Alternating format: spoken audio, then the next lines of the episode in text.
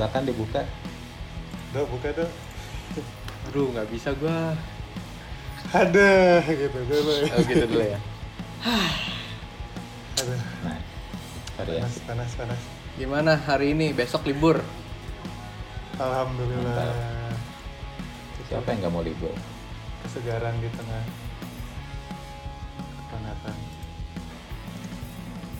udah ada agenda besok libur mau ngapain Di Nggak rumah lah. Di rumah Apain nih? ya ya di rumahnya kan jelas ngapainnya nonton YouTube. Jalan jalan pagi sih. Iya nih olahraga nih gue jadi jadi pengen insecure aja habis ngobrolin Gua, tadi. gua Iya. sekarang rutin rutin jalan, tapi beneran jalan, jalan doang, nggak nggak lari, nggak jogging. Berapa Jalan lama, Dam? aja gitu. Eh, sesuka gua aja, kadang sejam setengah. Bener-bener gua keliling-keliling tuh kayak dari rumah. Gue cari jalan sampai mana tiba-tiba gue nyampe PVJ kayak gitu-gitu. PVJ tuh tiba-tiba balik ke mana gitu-gitu aja. Oh, lagi di Bandung, Nam? Iya, gue udah sebulan setengah di Bandung. Oh. ya ada suara barusan muncul buat yang tapi ini kan toh anyway di judul toh ini sebenarnya ya buat buat gue agak bingung dengan podcast podcast yang agak ngumpetin bintang tamunya di belakang belakang soalnya itu kan pasti ditaruh di judul ya Bener juga. Iya ya. benar-benar. Ya, jadi sesuai dengan yang kalian baca di judul sama di apa eh, episode artworknya eh, untuk malam ini kami kedatangan eh, bintang tamu yang sudah tidak asing lagi bagi kami dan mungkin bagi kalian juga sama-sama tidak asingnya juga gitu. Bisa dan kemungkinan besar juga Dennis jauh lebih terkenal daripada Perunggu. Of course. Jadi funnelnya agak kebalik. Apaan sih? Kita nebeng popularitasnya Betul. Dennis. Nebeng Eh, lah, nebeng. Dennis. Waktu waktu dan tempat dipersilakan untuk Dennis Ferdinand. Halo semuanya, salam kenal Oke. untuk para Salam pendengar. kenal. Belum kenal. Kan untuk para pendengar. Iya. Dennis Ferdinand atau nama panggungnya disebutkan dong? Menirun, menirun. Menirun. Bacanya itu Menirun kan? Iya, BJ, menirun. Eh gue belum pernah tahu makna di dalamnya itu apa sih sebetulnya Menirun. Enggak, sebenarnya kalau menirun sendiri, Monikara tuh gini, gue gue tuh nggak pernah, gue nggak pede, maksudnya kalau buat solo gitu ya, pakai nama gue sendiri kan satu orang gitu. Menirun tuh gue ambil justru karena kayak nama hayalan aja, jadi identitasnya Oh. kayak band juga, ya jadi kayak band gitu. Kayak misalkan kayak si siapa namanya Dan Campbellnya The Wonder Years kan punya band namanya Aaron West and Roaring Twenties ya kalau nggak salah. Terus mungkin kayak Dashboard and Con- Dashboard Confessional, Second Hand Serenade gitu kan itu sebenarnya proyek solo gitu tapi apa namanya itu eh, formatnya band gitu. Hmm. Eh, Iya, ini iya. nge-freeze ya? Oke. Oh, dashboard tuh Mbak Zoom tadi. Dashboard tuh solonya Chris Karaba ya. Gue pikir emang band, tapi bandnya itu itu aja kan Iya. orang-orang Dulu- itu itu aja kan ya. Iya, bandnya bandnya itu itu aja. Eh sempet sempet ganti sih kalau nggak salah drummer ya ganti ya. Tapi tapi emang full pledge-nya akhirnya jadi band kan. Kan awalnya emang proyek solo waktu dari dia beres Further Sims Forever kan. Katanya bandnya kagak niat ke band. Terus habis itu dia bikin sendiri dashboard gitu.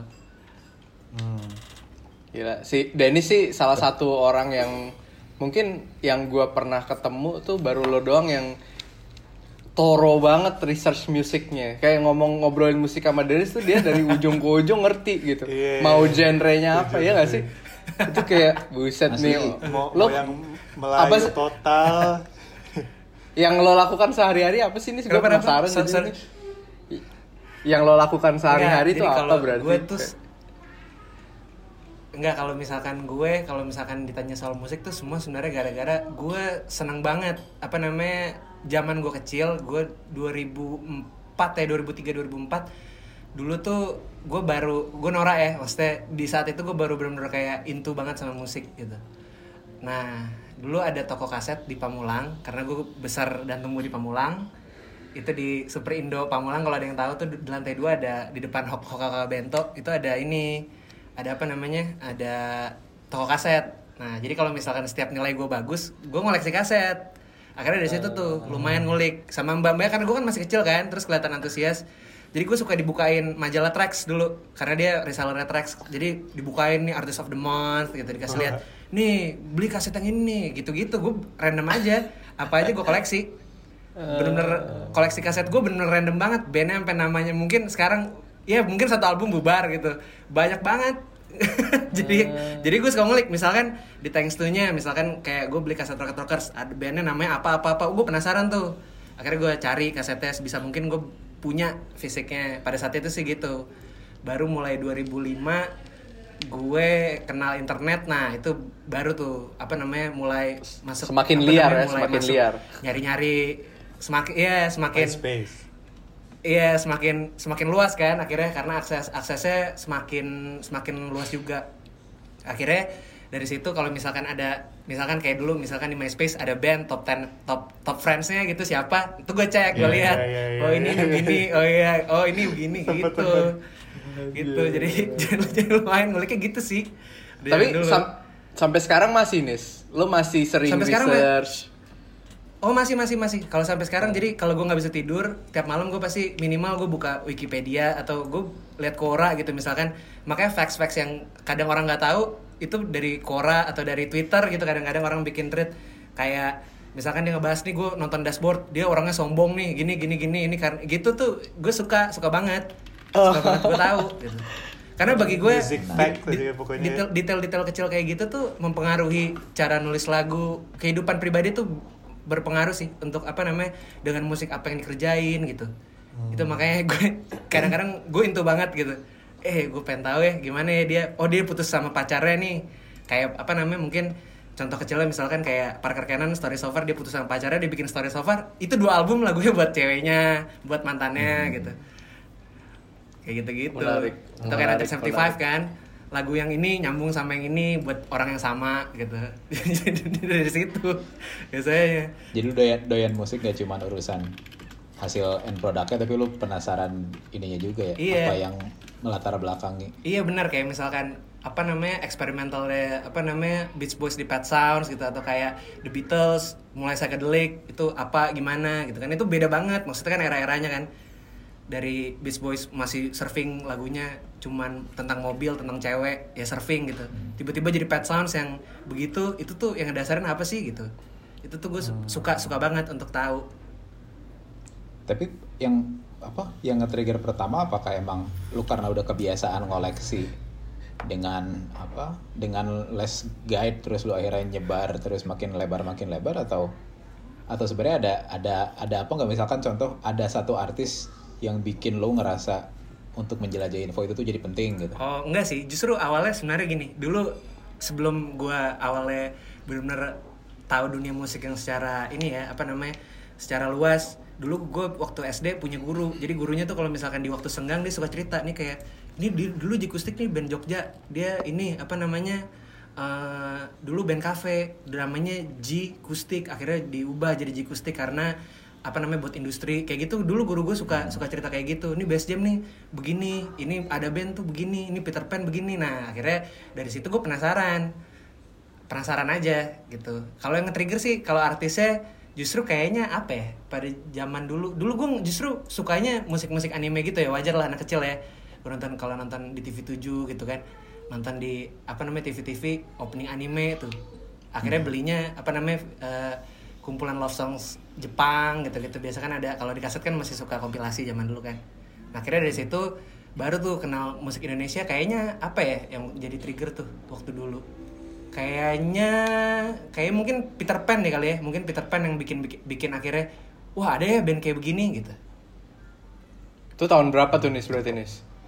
itu 2000 ya 2000 mulai mulai kayak nengok band Indonesia mungkin itu si Peter Pan ya Taman Langit kayak tapi mulai mulai benar-benar into banget sih ya itu 2000 2003 2003 akhir lah kayaknya 2003 2004 lah mulai koleksi kaset itu Ya. Dan buat Jadi yang sumber Eh, sorry sorry.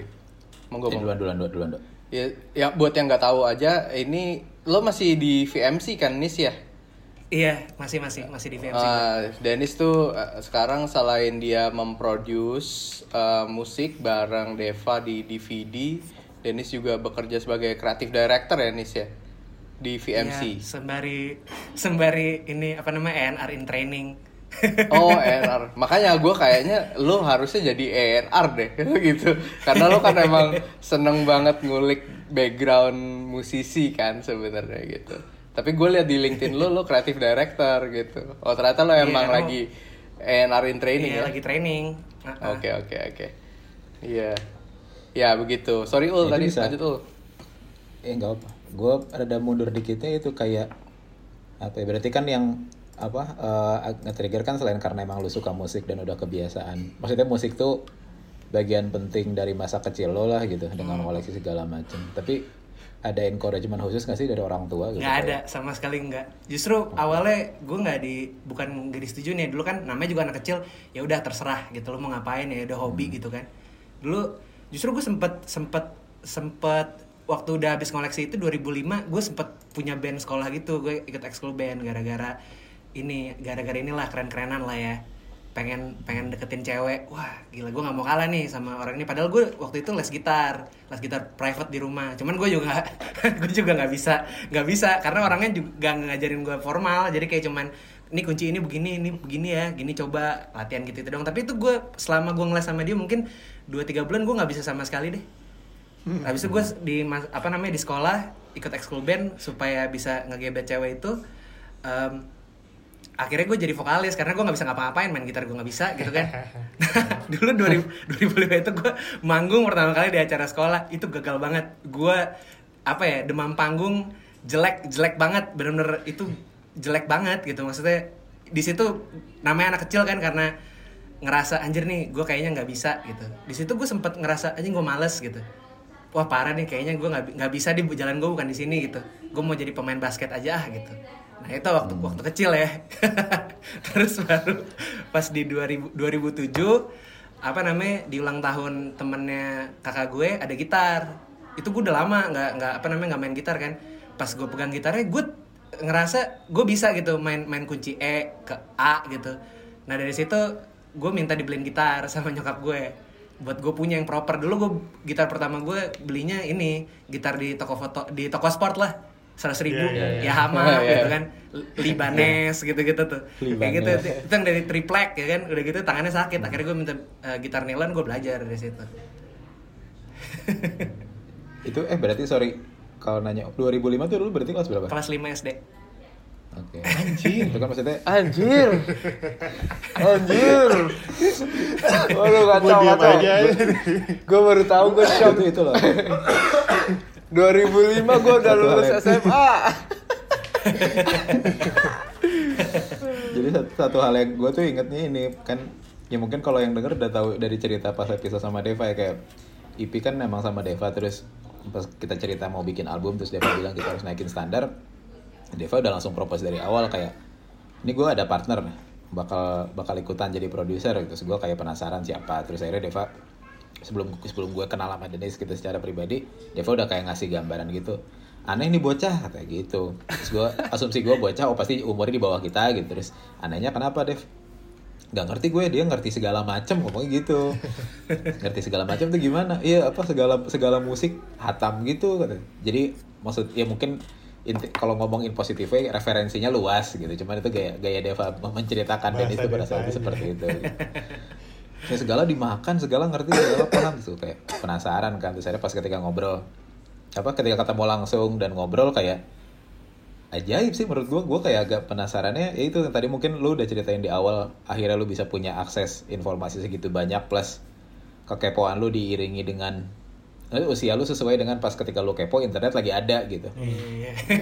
Terus gua kayak Benar-benar. oh oke gitu. Tapi tapi kadang yang yang gua nggak nggak jarang temuin juga ketika orang udah mulai ketemu internet musik tuh malah bukan salah satu yang di go through gitu kayak di umur segitu kan malah mungkin senangnya bikin memes gitu atau bikin Iya. vines lah misalkan. Kalau dulu kan nggak ada. agak- dulu kan kerjanya main Iya, gunbone ya kan?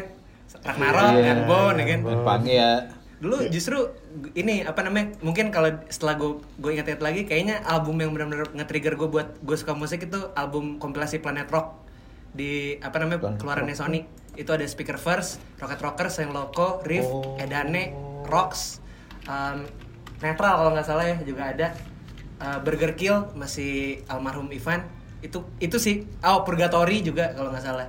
Itu tuh Pokoknya band-band Iya. band-band yang semi indie yang diambil sama Uh, Sony itu tuh itu itu yang itu yang bikin oh sama Superman is Dead. Eh Superman is Dead tuh 10 kan kalau nggak salah isinya. Itu yang bikin gue bener-bener kaget sih kayak wah ini ternyata musik ada yang kayak gini ya gitu. Karena sebelumnya kan kalau tiga album yang pertama yang gue punya secara kaset yang gue ingat tuh Peter Pan terus udah gitu ada band ada band tuh Heaven of Love Peter Pan Taman Langit sama Jikustik album pagi. Itu tuh tiga kaset pertama yang gue ingat yang gue punya. Nah terus udah gitu nyokap gue bilang kalau misalkan jangan beli kaset yang satu lah gitu. Lah belum tentu lagunya bagus semua beli kompilasi. Nah kan gara-gara Oh, beli oke. kompilasi Planet Rock itu gue jadi wah ini wah Selo kok waktu itu lagunya kalau nggak salah Microphone Anthem kan. Wah ini keren ya gitu. Akhirnya beli albumnya. Itu Rocket Rockers eh, apa ya, judul lagunya Eh, Bangkit. bangkit, Ya, bangkit waktu itu bangkit, Bangkit, akhirnya Bangkit beli kaset Rocket Rockers ras bebas. Nah itu sih. Itu sih Ra- ras bebas salah satu album yang cukup ini cukup berpengaruh juga bagi pandangan gue waktu kecil gitu kan. Gue agak penasaran itu kayak jadi lu beneran digging kaset tuh kaset tuh kaset tuh kaset iya bener. akhirnya meluas meluas iya gitu. akhirnya karena awalnya kayak gitu. Emang bener-bener gue ngeliat misalkan oh nih apa namanya eh, apa namanya ada thanks to nya ada band ini nih oh ternyata ini temenan ya kayak waktu gue beli album Enang Sukamti udah di Warner kan Hmm. album Pejantan Tambun pas gue liat kok thanks to nya Jikustik ini padahal bandnya nggak cocok ternyata pas ditelaah Iya, iya. album kelas 1 yang produksi si Proton Records punyanya Pongki gitu ternyata Oke. ya kayak gitu kayak gitu iya apa itu gue kalau gue apa ya gue penasarannya itu kayak lu yang menariknya adalah entry point dan lu ulik awal banget itu malah musik Indonesia ya. Iya justru justru bukan band luar. Karena dulu gue kaget. Karena ya kalau misalkan band luar kan banyak gitu. Pas gue liat oh ternyata Indonesia punya nih kayak gini ya. Gitu itu itu sih yang bikin gue kaget. Karena kan informasi masih terbatas akses juga nggak gampang. Akhirnya itu yang kayak ngeliat Rocket Rockers wah ini musiknya kayak band bule ya. Gitu kan lagu apa December 16 gitu misalkan. Atau apa. Itu sih yang bener-bener akhirnya wah ini keren ya band-band Indonesia gitu dulu ada eranya dulu abis era rock itu gue sempat ngumpulin kaset hip hop itu sih nggak nggak jelas dulu gue gue punya kaset Neo Neo album bintangku kalau nggak salah deh albumnya Eh, nah, oh Neo Indonesia Iya, bukan Neo, Neo, Neo. Indonesia bukan Neo Indonesia punya kaset Pesta rap ya? Tuh. Iya, pesta rap tuh akhirnya. Kayak gitu-gitu. Metal Clinic tuh gue sempet beli yang volume 2 kalau nggak salah deh. Volume 2 apa volume 1 gitu yang covernya hati kalau nggak salah ya. Gue gak, gak lupa. hati hati metal ih maksud gue gue tuh selama ini selalu mengira kayak entry point sama musik tuh either kalau ngobrol sama ketemu sama orang ya either emang warisan ortu gitu kayak ah ini dengerin ini atau yang kalau case case kayak mirip-mirip kita bertiga ya ini apa M- tongkrongan sama MTV. MTV, MTV. Ya, kalau musik Indonesia nya dulu kita ini juga MBS, MBS kalau gua. MBS. Musik Bulek Selection MBS. buat Majalah. lu ngulik gitar kan. Nah, mungkin Dennis nggak nggak dapet tuh MBS tuh. Oh, gue gue gue nggak dapet MBS tapi dulu gue beli hot chords namanya harganya Oh, lima ribu iya, Pulau iya. Jawa, Iya, tujuh iya. ribu di luar Pulau Jawa itu. Iya, Jadi iya, dulu iya. sempat ngulik tuh album apa namanya lagu-lagunya dari situ informasinya Super Glad masih the Super Glad tuh ya, zaman dulu tuh awal-awal album Iya. laki- laki-laki kalau nggak salah ya. Itu ya maksudnya gue apa ya ya ya, ya maksudnya dengan yang deng- apa yang lo ceritain barusan kayak ya selain kayak jadi ngerti oh gitu toh tapi malah jadi kalau gue pribadi malah ngerasa kayak jadi makin amazed juga gitu nih kayak apa ya untuk discover itu one thing gitu tapi untuk bisa nginget sampai sekarang gitu kayak lain hal cuman lu kayak dengan Iya. oh, sama kepala lu bisa sama Iya, iya, ini anjir. pakai di lu kuat banget sih. itu yang bisa bikin kayak gitu juga salah satunya karena gue latihan. Jadi dulu abis beres era kaset kaset harganya naik terus udah gitu juga apa namanya nggak semua available di kaset gue eh, apa namanya kenal tuh MP3 bajakan ya kan? Yang gado-gado lah siapa segala macem kayak Iya, misalkan isi artisnya banyak. Nah dari situ gue masukin manual kayak misalkan gue suka kayak di jam- zaman dulu kan apa sih kalau di Nokia tuh MP3 playernya yang ada ada tema Ultra api-apinya. Apa namanya? Iya iya iya. ya tau lah ya gue Ultra, gue Ultra MP3 ya? Iya Ultra MP3 ya kayak gitu kan. namanya kan kadang-kadang nggak jelas. Nah itu gue suka masukin tuh misalkan kayak Dewa nih album bintang 5 jadi isinya Hmm. apa-apa aja. Nah itu tahunnya berapa gue masukin? Itu tuh gue suka yang Jadi kayak gitu. metadata-nya lo isi sendiri. Iya, gitu gue ya. isi sendiri. Karena kan kalau misalkan kita copy dari MP3 bajakan nggak ada info-info Iya, itu. Cuman bener, bener, bener. apa namanya misalkan foldernya Dewa satu dua tiga empat gitu tuh. Iya. itu tuh yang bikin mungkin gue jadi ingat Biasa tulisannya track 1, track 2, track 3 gitu Iya. doang. iya benar-benar Gue punya Anjir, satu ini lagi, apa profesi buat lo lagi. Music archiver lo cocok Dennis kayaknya. Lo kelihatan kayak lo rapi, udah gitu kayak detail dan inget gitu loh. Wah gokil sih. Baru sekali gue ketemu orang kayak gini. Asli.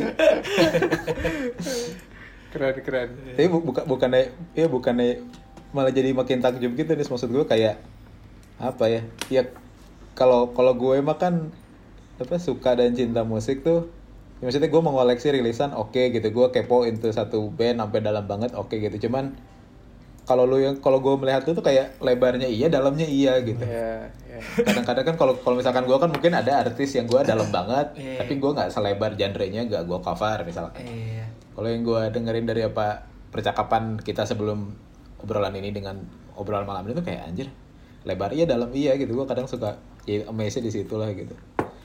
Tapi so far ini nih kayak nyambung ke kayak dulu cerita mulai band-bandan gitu. Hmm. maksudnya pas di umur dan di titik berapa kayak lu merasa bahwa oke nih main band kayaknya bisa gue jadikan sebagai misalkan bukan profesi setidaknya hal yang lu jalanin dengan fokus penuh gitu. Itu pas kapan? itu kayak 2008 deh waktu gue ekskul band di kelas 2 terus gue punya tem punya teman gitaris gitu. Di situ kemampuan gue biasa-biasa aja. Dia dia tapi jago banget. Akhirnya dia yang latih gue tuh maksudnya sampai gue kan nggak pernah dapet pelatihan yang formal maksudnya gue nggak pernah les nggak pernah apa. Dia ngajarin gue jadi kayak tiap tiap hari kita bawa gitar. Misalkan kita lagi ngulik lagu apa nih ya kan dia library lagunya tuh cuman ya Jerox cuman apa yang ada di MTV gitu. Dan pada saat itu juga MTV sih berpengaruh besar sih. Gue ngikutin chart ngikutin chart MTV ampuh pada zaman dulu.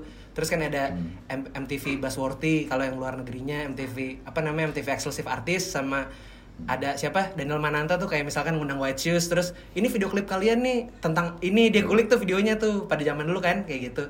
Itu juga lumayan berpengaruh sih tapi itu teman gue waktu 2008 yang benar-benar kayak yuk kita kita ngeband nih anak-anak apa namanya bisa lah kita gitu akhirnya dia ngelatih gue tuh kayak misalkan gue ngasih lagu pada zaman itu kan udah udah kena MySpace. Misalkan gue pengen tahu lagunya misalkan Valencia gitu. Misalnya kayak dulu deh starting line gitu. Gue kenal starting line dari MySpace lagu uh, Something Left to Give gitu. Gue nggak bisa main gitar ya gue bilang ajarin gue dong gitu. Akhirnya dia besoknya bawa gitar dia misalkan sebelum kita main pasti dia selalu ngasih pertanyaan coba nyanyi dulu gitu nah kalau misalkan nadanya benar baru weh bagus. Kayak gitu. Oke akhirnya se- sekarang jadi nginget nginget nadanya kalau misalkan oh oh ini dari sini gitu. Gue nggak ngerti sih maksudnya kayak kayak misalkan orang dikasih nada A dia yang bisa hafal nggak bisa. Tapi kalau misalkan lagu dari mana gue biasanya inget gitu. Itu gara-gara temen gue tuh. Ini menarik ya, maksudnya diajarin, bukan diajarin, diingetin, dikasih tahu kayak falas atau tidak tuh kayak gimana. iya gitu benar karena dulu ya itu di waktu gue manggung pertama kali itu 2005 itu gue falesnya fals banget sih. Gue bener-bener bener-bener gimana gue nggak down nih? Jadi udah beres manggung itu des kepala sekolah gue naik dia bilang kamu gue ditunjuk itu kamu nyanyinya fals banget coba ulang lagi. Ini nyanyinya dari sini dia ngajarin gue anjing tapi di tengah banyak di tengah kayak berangkatan gitu dari dari semua kan itu apa namanya acara Waduh, kayak mental. Iya, akhirnya di situ sih yang bikin gue kayak di pointing out kesalahan gue di, di atas panggung ya malu kan pasti kan. Di situ sih kayak gue anjir. Terus be- beres itu band yang band yang apa band kakak kelas gue mainin lagu ungu waktu itu. Anjir keren banget. Di situ kayak anjir gak ada harapan deh. Itu di situ tuh. Baru pas di kelas 7 waktu gue pindah sekolah SMP waktu kelas 7 itu juga akhirnya gue terpaksa masuk Exul Band karena kata kakak gue yang udah sekolah di situ duluan guru basketnya terlalu killer gitu. Disuruh push up lah latihannya emang kayak atlet. Dan gue nggak gue juga yakin gue nggak into sport sih pada saat itu gitu akhirnya ya udah gue kembangin apa yang gue bisa deh Itu tadi kan lu sempat cerita apa? Starting line itu terus Iya. di umur segitu dan di era segitu kan orang udah mulai apa ya maksudnya yang lagi rame pada saat itu kan emang ya pop punk, uh, melodic punk, Iya. ya quote unquote post hardcore emo gitu ya Iya. gitu. Lu mendalami ke situ terus tersesat di situ atau lu pada saat itu pas teman-teman tongkrongan lu udah mulai pada main di situ lu tetap menyempatkan Enggak. waktu buat ah gue musik Justru- Indonesia buat gue gitu Justru nggak ada. Justru temen tongkrongan gue ya tahunya ya paling ya apa ada band yang macam-macam mainstream aja. Di saat itu Oh, oke, oke. dulu waktu sebelum gue masuk SMP itu ada kayak op- bukan mac- semacam kayak open house pensi gitu lah ya. Yang main tuh ada dulu band Pamulang namanya Lunatic Raccoon sama Loser Takes All. Nah, itu tuh Oke. itu itu band anjir keren ya gitu. Ternyata kayak kayak Rocket Rockers ya. Kan gue nggak nggak ya sekecil itu gue mana mungkin nonton Rocket Rockers di Deja Vu gitu atau di mana di poster gitu kan nggak mungkin kan? Atau ke Bandung gitu. Ke nonton kan nggak mungkin. Akhirnya dari situ gue baru tahu ada distro ada distro lokal. Di situ baru kenal musik-musik underground. Dia jual jual kaset-kaset kaset sama CD lah di dari situ tuh mulai wah ini band Indonesia ternyata ada yang lebih gila lagi ya gitu dibanding Rocket Rockers kan masih rapi lah rekamannya. Gila zaman gue dulu punya kaset Save Our Community isinya bandnya bener-bener ya soundnya berantakan banget gitu kalau sekarang didengerin. Termasuk Loser Takes All itu dan ternyata rekamannya pakai Fruity Loops pada zaman dulu. Gue terkesan sih sekarang aja keren ya udah udah kenal digital gitu. Tapi kalau denger sekarang buruk banget soundnya gitu Berarti itu lu semuanya sendiri ya, maksudnya bukan Iya. yang dari teman-teman, bukan gara-gara terpengaruh teman-teman ya. Enggak, itu itu sendiri sih rata-rata. Justru apa namanya, gue yang ngebawa ke teman-teman gue akhirnya, eh ini, ini ada band ini nih gitu. Makanya si gitaris gue waktu gue Excel band di kelas 2 itu kaget kayak, wah nih musik Indonesia ada kayak gini nih. Akhirnya gue tularin sebisa mungkin ke teman-teman gue, nih lu denger ini, lu denger ini gitu. Dia emang nggak- ngasih apa-apa, nggak ngasih apa-apa ke gue, tapi ngasihnya cuman skillnya doang. Nih gini, ini tuh nadanya dari sini. Ini supaya nggak falas gini. Gitu. Dia jago banget tuh di zaman dulu. Kita kalau gue kasih kulikan bisa dia. Jago. menarik.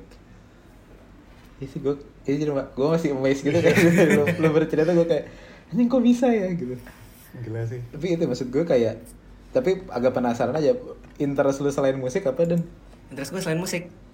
Hmm. Apaan? Nih gue juga Ditanya mungkin bingung juga. Mungkin ini kali ya Baca buku sama main game kali ya. Itu sih interest di luar musik kayaknya itu.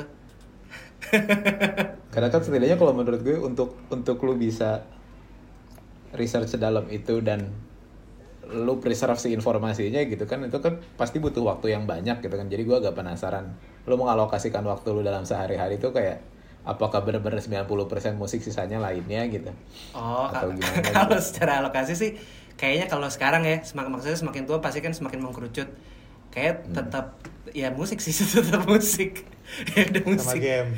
Iya sama game lah ya.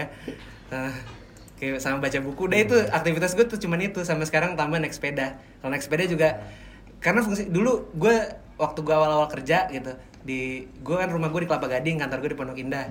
Nah itu sepanjang jalan itu itu tuh yang buat buat ngulik kayak musik-musik baru gue suka dengerin gitu. Kalau sekarang pas naik sepeda gue dengerin lagi oh nih kalau yang kayak sekarang-sekarang misalkan kayak oh Olivia Rodrigo ya oh ini ini ini ya gitu. Biasanya gitu sih. Jadinya ada waktu. Dan lu masih- karena kalau di rumah agak males juga gitu. Maksudnya ngapain? Sambil sambil dengerin musik ya paling sambil kerja. Tapi kan nggak detail gitu kan selewat gitu. Kalau sekarang naik sepeda jadi punya waktu juga buat dengerin oh ini di di kuping kanan nih ada ini oh di kiri ada ini gitu. Tuh itu itu yang akhirnya gue bisa balik lagi kayak zaman zaman gue awal kerja 2016 lah gitu. Lu sekarang kalau kondisi sekarang nih eh, discover musik via apa Den? gue sekarang diska- discover music lewat ini sih ya pasti masih lewat Spotify sih rata-rata. Jadi jadi gue lihat dulu oh nih siapa ya apa gitu. Karena dulu gue gue beruntung banget gue bisa punya akses ke Spotify lebih cepat daripada yang lain karena waktu belum muncul di sini gue udah download pakai VPN Iya, jadi iya, iya. algoritmanya masih ngikut ngikut yang dulu tuh. Iya, iya. jadi nggak nggak apa namanya tiba-tiba wah muncul tuh yang kayak apa namanya gue masih bisa nemuin artis-artis yang kayak monthly listenernya kayak cuman 100 ini band dari anta beranta mana biodatanya aja nggak ada personilnya mukanya nggak tahu gitu. Dicari di internet nggak ada tapi lagunya keren itu sih. Di situ jadi gue mas- masih seneng buat kayak discover musiknya. Anjir nih keren Nah, kalau ya. kayak kayak Spotify sekarang kan gua gua malah udah agak apa ya kadang tuh di di di di apa namanya si mix playlist yang kita dapet tuh lagunya tuh itu itu aja gitu Iya, Iya, benar. Justru kalau misalkan gue dulu gara-gara Discover Weekly sih. Sampai sekarang sih juga masih karena Discover Discover Weekly, Weekly. ya berarti berarti itu ya si iya. Discover Weekly Kalau doang. mix kalau mix kan memang dari behavior kita apa yang kita dengerin kan. Hmm. Dia cuma nyampurin kayak misalkan lo suka dengerin Man I Trust, Boy Pablo sama apa itu jadi satu karena masih satu satu kurva. Terus yang kedua lo dibik kan maksimal 6 tuh. Itu berarti kalau lo punya 6 berarti ya lo dengerin musiknya luas gitu. karena dia bisa misahin misalkan lu suka uh, punk dia jadiin satu tuh. Dia lu suka apa namanya uh, indie indie begini country gitu kan. Biasanya gitu. Ya ya. Kalau di mix. Tadi lu sempat cerita perihal pas itu dengar musik di kanan ada apa, di kiri ada apa gitu. Dari awal emang lu udah udah udah udah sengulik itu atau kan kalau gue dulu beli kaset kan kaset pertama gue kan Ricky Martin. Ya Living La Vida Loca. Serius ya? Gara-gara World Cup gara-gara World Cup Oh, iya, iya, 98 kan. Terus gue pengen tak pengen tahu nih lagu ini terus gue taunya malah dari P Project dulu sama menjadi. Terus, terus gue oh ini tuh ada penyanyi aslinya di MTV baru gue beli kaset tetap dan pada saat itu kan gue boro-boro merhatiin mixingannya gimana lah di kiri ada suara Nah, itu gitar di juga kanan ada itu suara juga apa. seiring waktu tahu gue juga awal-awal mah pertama nggak ada nggak tahu apa-apa. Saya dengerin aja. Nah, dulu gue dengerin waktu tuh berarti pas- pas kapan? Kenapa seiring waktu tuh berarti pas kapan Itu lu, mungkin lu mulai ngerasa? mulai ngerasa kayak gitu mungkin 2000 justru jauh kali mungkin kayaknya 2009 2010 deh kayaknya. Dulu gue nggak gue gue gue yang sampai sekarang nih album yang bikin gue miss itu albumnya Panic at the Disco Pretty Out sampai detik ini gue kalau dengerin gue bisa Iya. nemuin sesuatu yang anjir ternyata ada ada ini loh di sini gitu. Itu sih Contohnya karena apa? dulu gue nggak ngerti. Bahkan kalau gue apa namanya rediscover musik-musik yang lama yang gue dengerin anjir keren ya gitu. Bahkan kayak band-band Indonesia mungkin sekelas kayak gue dengerin uh, hijau daun gitu atau mungkin dengerin kangen band itu kadang-kadang aja bisa nemu. Maksudnya oh ternyata si Dodi nih di sebelah kanan ada isian gitar yang nggak kedengeran. Itu tuh kadang-kadang bikin gue anjir gitu. Iya. jadi ngulik nguliknya masih berlapis-lapis gitu iya yang lu lakukan. Nggak langsung nggak langsung tiba-tiba langsung aware nggak orang gue nggak ada mentor nggak ada siapa-siapa nggak ada yang bisa ngajarin gue kayak ini nih jelek gara-gara bassnya begini gitu nggak ada. Nggak tahu gue Tapi zaman dulu lo lo menilai musik dengan cara lo yang ada sekarang ini itu eh, atas dasar kebutuhan dulu apa kayak emang lo secara nggak sadar tuh selalu kayak ketika dengerin musik lo langsung kayak pengen notice hal-hal kecil dari lagu itu gitu. itu sih gara-gara seiring berjalannya waktu kali ya dulu waktu Hmm. akhirnya uh, punya akses ke headphone yang lebih bagus gitu zaman dulu kan Hmm. kaset kan mono gitu maksudnya udah gitu gue denger dengerinnya di Sony di Sony Walkman yang bisa dipencet bassnya bass tipuan tau nggak jadi dia ngebus ngebus ngebus bassnya ya tipuan jadi cuma ada bass gitu doang kan nggak kedengeran gitu baru akhirnya uh, mulai ke era digital punya headphone yang lebih bagus punya speaker yang lebih bagus oh ini ternyata ada ini ada itu gitu itu baru dari situ sih Hmm, see. Tapi itu lo sadar sendiri ya bahwa kayak anjir ya Iya. ternyata sonicnya tuh bisa macem-macem gitu apa? Iya, iya, Hmm. bener-bener. Gila, gila. Nah itu apa terus sampai tapi pas di titik mana lu kan tadi lu sempat cerita awal-awal udah mulai band-bandan gitu. Iya, iya. Eh, pas di titik mana lu akhirnya udah mulai oh ini bandnya udah serius cukup serius bikin lagu sendiri gitu. Iya. Itu mulai kapan? Itu dulu eranya itu kayaknya 2000 berapa ya? 2011 atau 2012 gitu. Dulu gue punya band namanya Daydream Travelers. Itu sama sama eh, apa namanya eh, drummer gue tuh dulu lebih tua gitu. Gue gue ini juga salah satu ini cerita lucu ya. Ini salah satu life changing experience justru buat gue.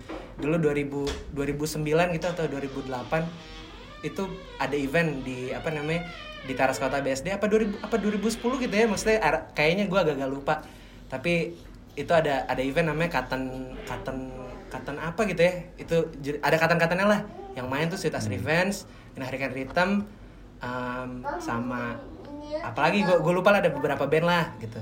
Gue datang situ karena apa namanya tujuan gue kayak gue kesel kan. Ah gue pengen pengen moshing ah gue pengen nonton Sweet As Revenge tadi gitu. Tiba-tiba muncul band namanya Two Steps North. Ini Oh, tahu in- gua. akhirnya iya itu itu bandnya bandnya Bayu lah itu Bayu. Udah akhir-akhir dia jadi drummer kan. Bayu sama Tiba-tiba Pasha band Two ya. Steps North gue dulu iya Bang Pasha gue suka dengerin banget di MySpace tuh. Dulu gue kalau main Ragnarok gitu kan gue dengerinnya itu Two Steps North aja udah.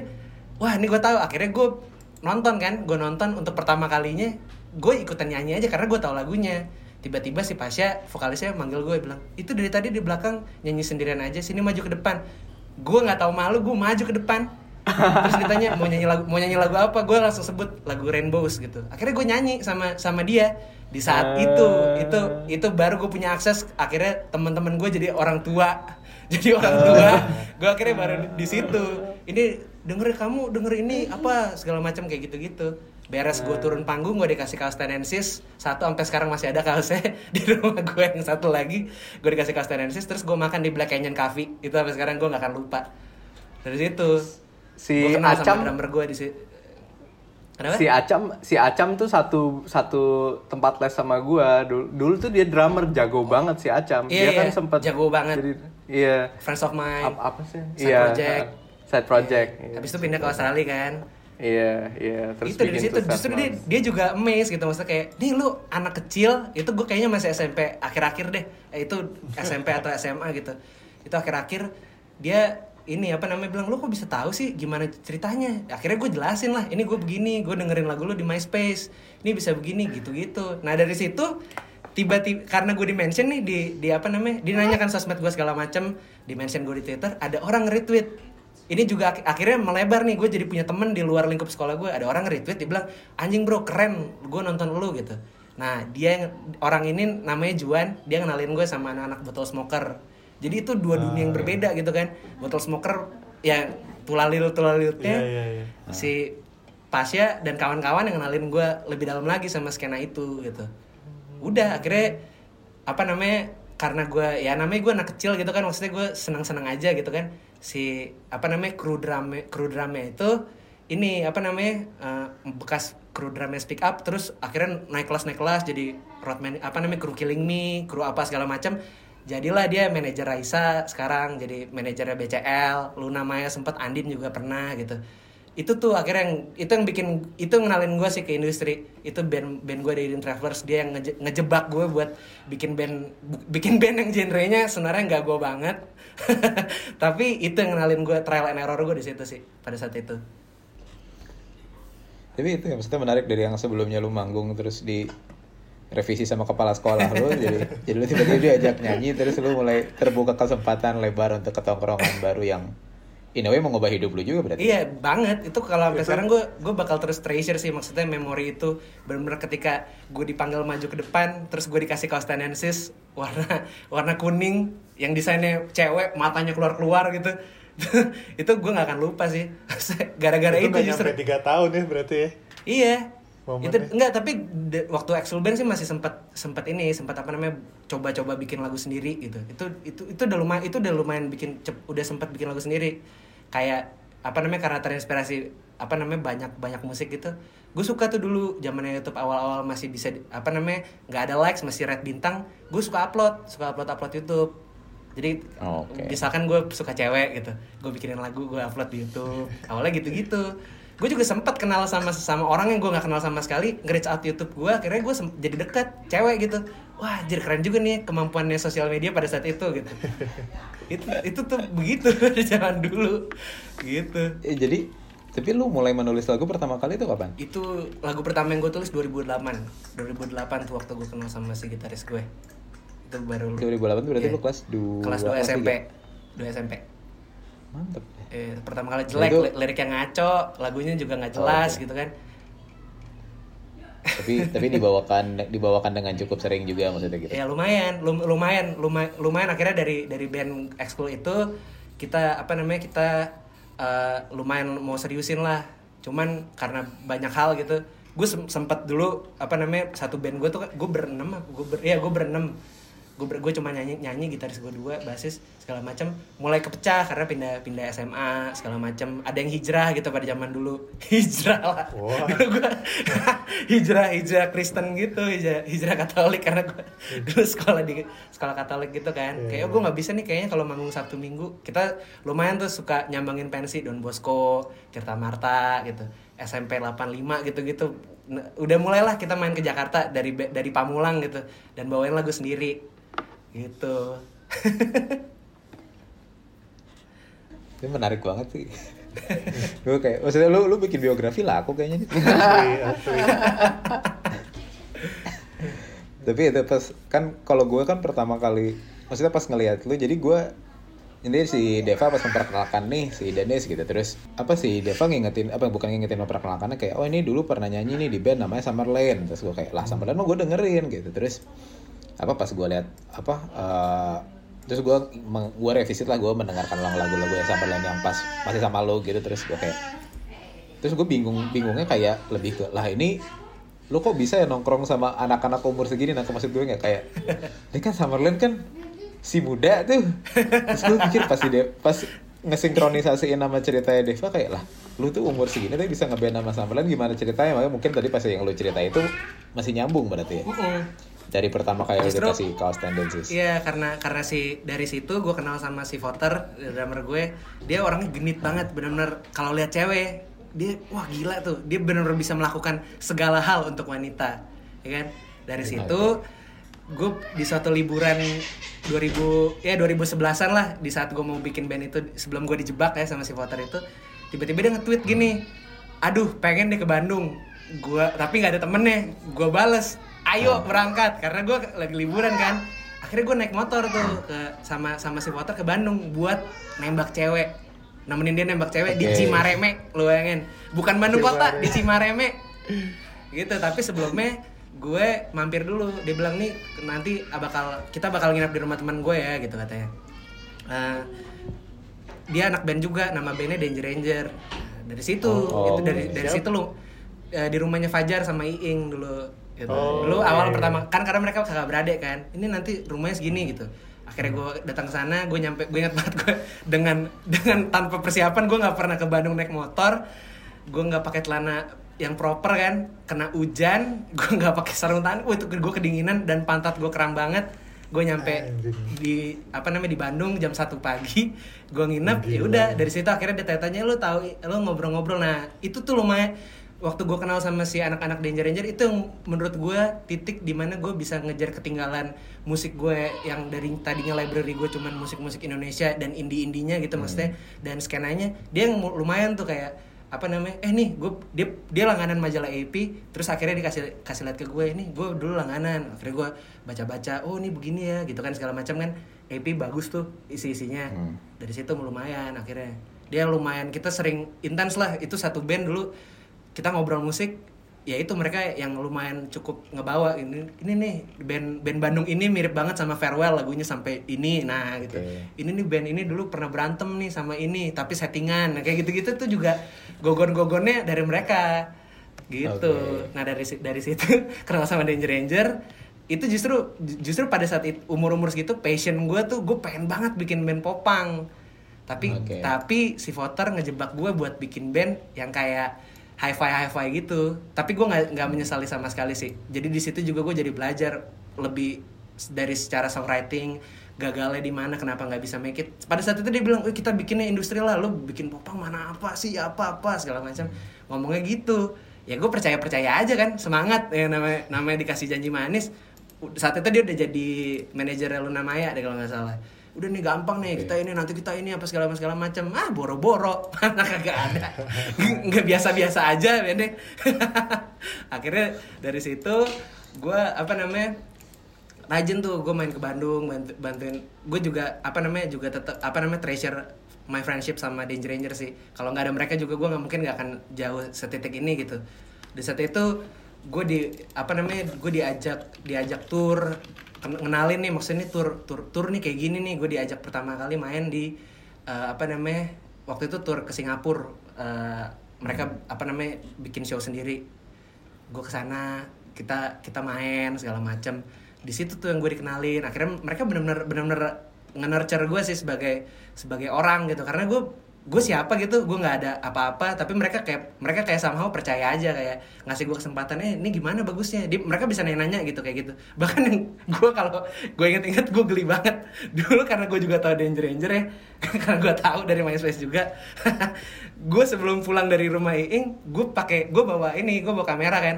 Gue cover lagu Danger Ranger sama sama si Iing. Gue bilang Ing gue pengen banget nyanyiin lagu ini sama lu. Gue bilang gitu dari sini. rekam dan lu upload. Nggak, nggak gue upload. Akhirnya buat dokumentasi Oke. pribadi cuman filenya hilang entah di mana. Waduh. tapi itu gue inget banget beres. Dari situ sama Danger Ranger.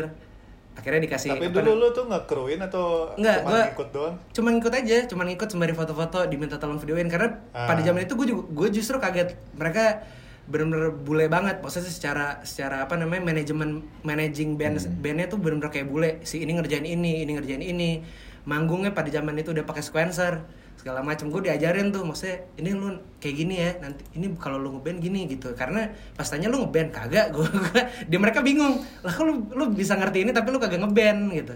Akhirnya ya udah si voter itu ngejebak gue buat bikin si Travelers kita bikin band. Tapi pada saat itu gue masih sering bolak balik Bandung karena gue karena gue seneng gitu maksudnya sama apa namanya gue nggak punya teman gitu. Gue gue nggak ya teman gue ya sekitar sekolah aja kan di luar itu mereka benar-benar kayak ayo sini ke Bandung di situ sih gue sering bolak balik ke Bandung pada saat itu Itu tahun berapa berarti? itu Ranger 2000 Angel album pertama. 2000 ya beres Party Animal mereka desain sama DRM waktu itu nah itu waktu Oh, gue iya. da gue datang ke tempat mereka mereka baru sign kontrak awal-awal tuh masih apa namanya sama DRM Manajernya waktu masih si Cai berarti ya? Enggak, Cai beres, Cai uh, fokus Oh. kuliah, ganti Dias, udah Dias waktu itu. Oh, waktu itu oh, baru awal-awal Dias. Gitu. Masuk ke sana nah, tapi ini ada ada cerita juga. Jadi gara-gara Danger Ranger gue putus sekolah. Lah, jadi, Anjir. wak- SM. jadi jadi waktu wak- iya SMA SMA SMA kelas 2 ya kan. Di saat itu gue gue udah mulai sering tuh kan ke Bandung segala macam sering main sama anak-anak. Pas gue diajak beres tour dari dari Singapura itu itu gue masih sekolah. Gue balik ke sekolah gue udah ngerasa kayak apaan sih nih gue gue nggak ada yang masuk teman-teman gue nggak ada yang masuk. Karena di saat itu namanya juga apa namanya eh, Pamulang tempat terpelosok gitu. Maksudnya gue juga karena teman gue pada saat itu udah tua udah tua tua gitu kan gue udah dikasih tahu jangan narkoba jangan ini. Teman-teman gue baru kenal tuh yang namanya ganja baru kenal tramadol menekan yang begitu begitu gue itu norak. Jadi akhirnya menurut gue sekolah nggak fun lagi gitu jadi yang tadinya di sekolah gue bisa bikin keributan kayak misalkan ngerjain guru apa segala macam semuanya diem. Karena semuanya pada neken. Sedangkan gue nggak nggak tertarik untuk melakukan hal itu gitu. Gue gue punya duit aja gue belum. Eh gue mau ngapain dikasih duit jajan gue beli tramadol dua strip ya enggak pamer nih tangan gue tremor nih enak banget nih gitu gitu anjing norak gitu menurut gue apa?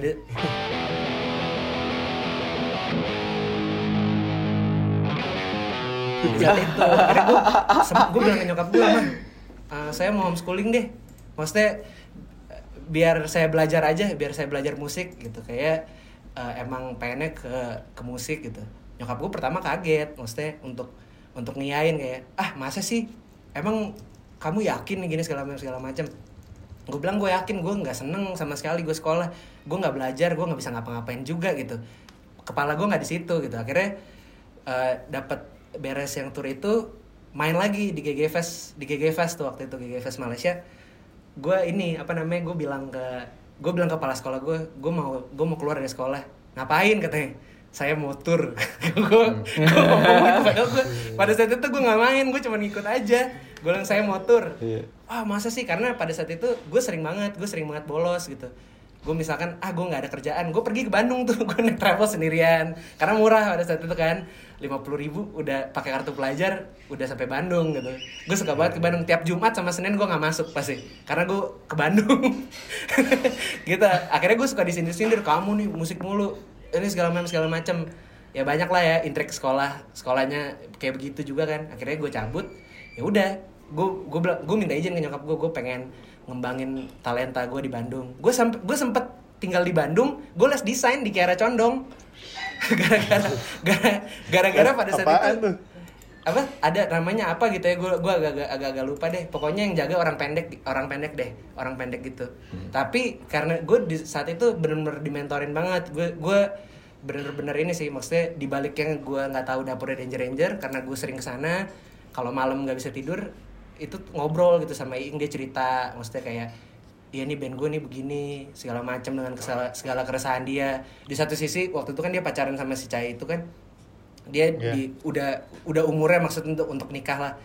Tapi keluarga yang Cai itu nggak terima kalau si Ing tuh cuma jadi freelance designer gitu. Kayak di, itu di satu sisi mereka masih punya label.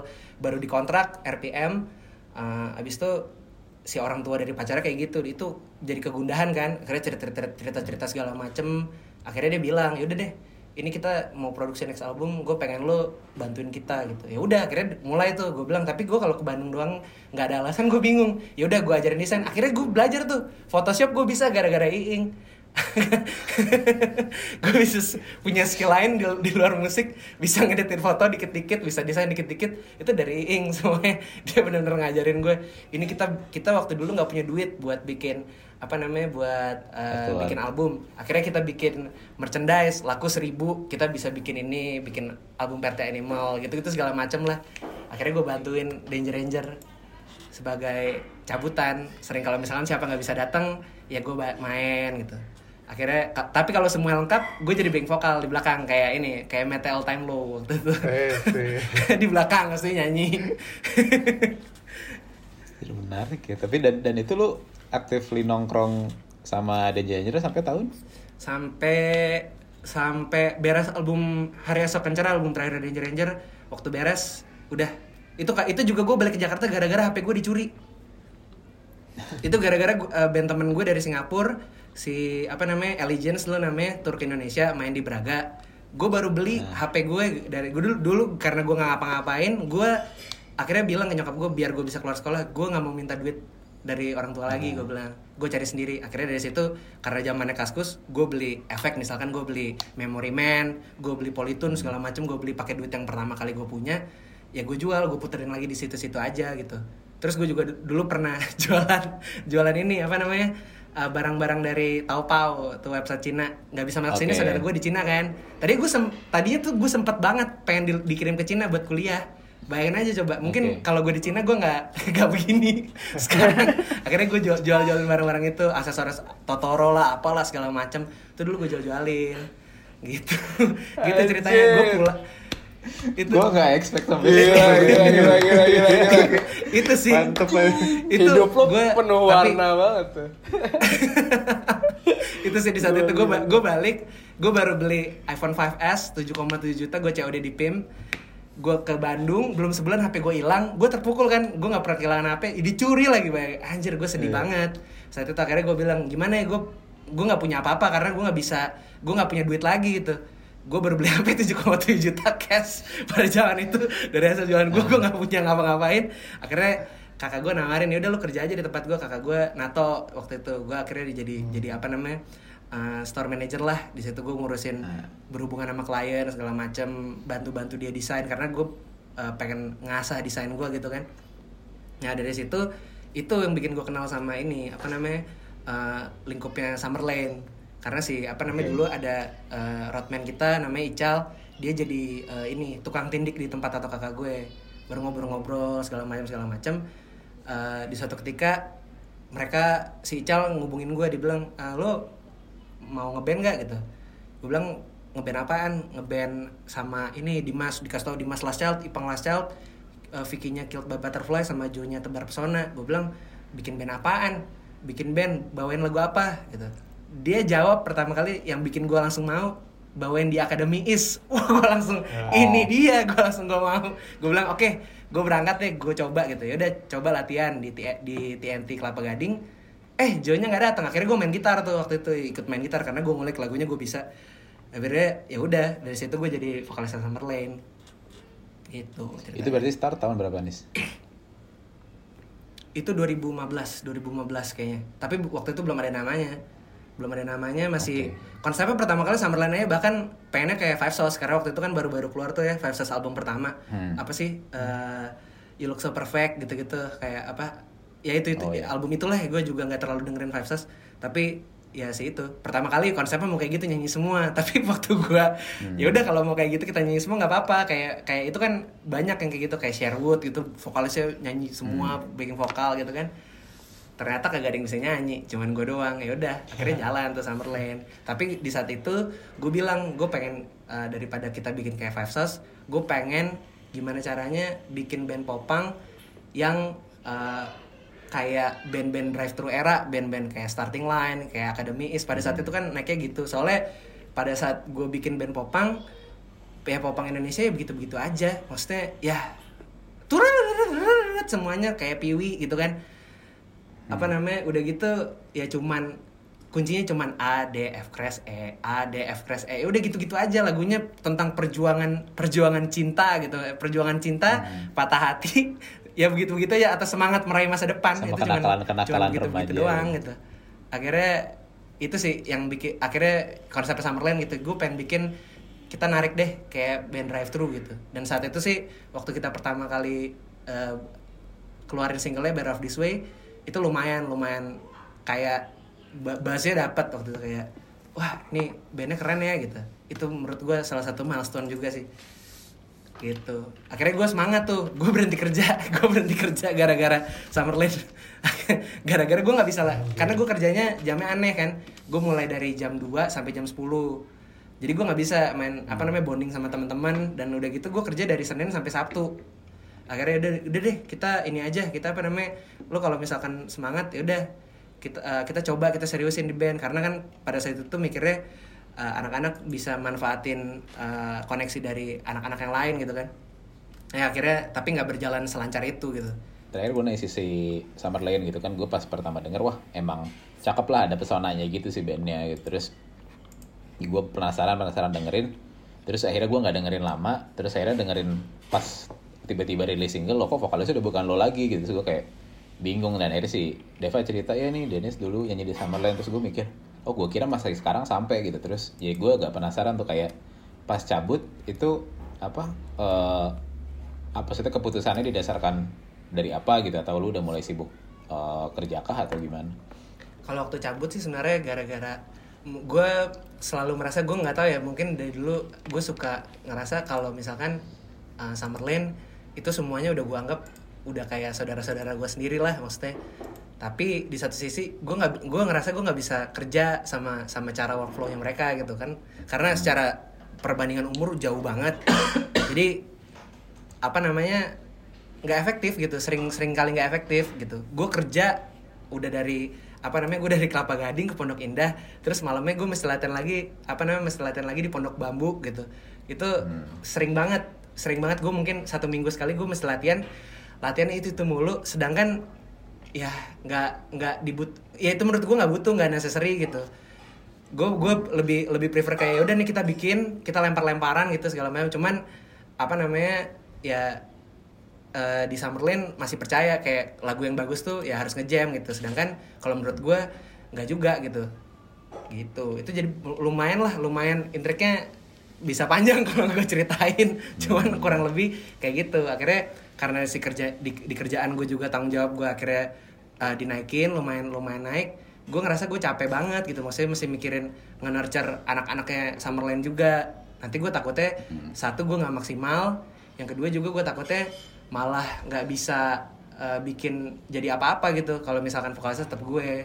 Akhirnya gue gue sempat pertama kali sebelum gue cabut gue bilang ke anak-anak gue pengen cabut.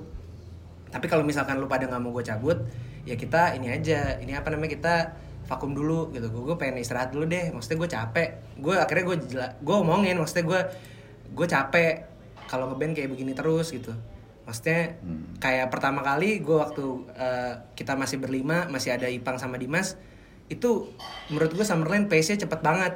Dari apa namanya dari bener-bener band yang nggak orang nggak tahu apa-apa sama sekali tiba-tiba jebret keluar jadi bahan omongan sana sini sana sini tapi ketika Dimas sama si Ipang cabut kita bener-bener progresnya lambat banget gitu dari dari single pertama ke single kedua dari single kedua ke EP itu lama banget dan di saat itu menurut gue gue udah nggak menurut gue Summerland udah harusnya nggak levelnya udah nggak di situ lagi gitu tapi somehow ya mereka tetap tetap mau mau di sana gitu gimana ya jadi eh kayak Ekspektasinya udah beda. Iya gitu. di satu sisi gue pengen Summerland tuh yaudah eh, kita maju terus kita tetap dengan dengan kita popang tapi kita evolusi tetap kita jadi dewasa lah gitu. Karena kan formatnya kita juga nggak nggak ada nggak ada yang membatasi gitu. Dan di, di- terus Vicky maunya tetap bandnya apa namanya setiap lagunya harus ada riff metalnya gitu. Pokoknya dia pengen bikin band gimana caranya bikin band popang tapi nggak popang gitu. Jadi makanya gue awal, awal karena gue waktu itu anak baru awal-awal Summerland fotonya kayak band metal hitam-hitam apa segala macem. Sedangkan pada saat itu kayak dari trennya aja ya neck deep in bloom gitu. Maksudnya bisa gitu. mecahin gitu kayak popang nih bisa wangi loh gitu. Star champs gitu segala macem. Tapi dia tetap mau stick dengan dengan kayak begitu gitu. Sedangkan di satu sisinya lagi si Joe berusaha banget gimana caranya Summerland nih go komersil minimal kayak Last Child gitu. Sedangkan itu gue nggak mau bang nggak mau hal itu terjadi gitu. Karena bagi gue uh, Summerland tuh harus jadi apa ya? Jadi jadi band yang bisa di look up tuh orang gitu. Kayak gue kan kebetulan karena gue suka banget starting line ya starting line mungkin bukan band yang sukses banget gitu. Baru dapat gold gold aja certificate certified gold aja baru tahun ini gitu. Itu juga cuman lagu best of me. Tapi influence dia ke orang lain itu baik banget gitu. Ya mungkin kayak band Real Friends gitu. Satu band dari uh, Tinley Parknya uh, Illinois dari dari Chicago mereka bisa bela-belain gimana caranya setiap starting line holiday show naik bis ke ke Philadelphia gitu nonton. Atau kayak Stat Champs yang masukin reference-reference-nya apa namanya eh, ke ke lagu-lagunya gitu. Ya gue sebenarnya pengennya gitu. Gue lebih lebih karena ya sebenarnya gini eh, ya popang gitu. Lu nggak lu itu udah pasti musik yang segmented. Yang nggak mungkin bukan bukan nggak mungkin ya bukan nggak mungkin banget sih. Maksudnya ya su- susah gitu maksudnya untuk kita eh, go komersial segimana banget. Karena bukan eranya nggak mungkin kita tiba-tiba jadi simple plan atau mungkin kita tiba-tiba jadi kayak apa ya? Ya mungkin mungkin contoh kecilnya simple plan lah. Karena nggak mau nggak mau nggak mau juga gitu kayak gitu. Si Vicky nggak mau kayak gitu nggak mau nggak mau. Ya udah akhirnya ya gue bingung di saat itu. Karena gue kita bertiga keputusannya nggak bisa harus semuanya setuju gitu. Jadi bandnya nggak gerak-gerak gitu, di situ-situ aja gitu.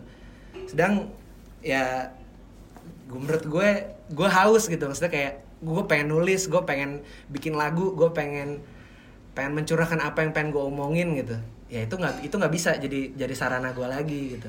Akhirnya udah gue gue putusin aja gue cabut dari Summerland gitu.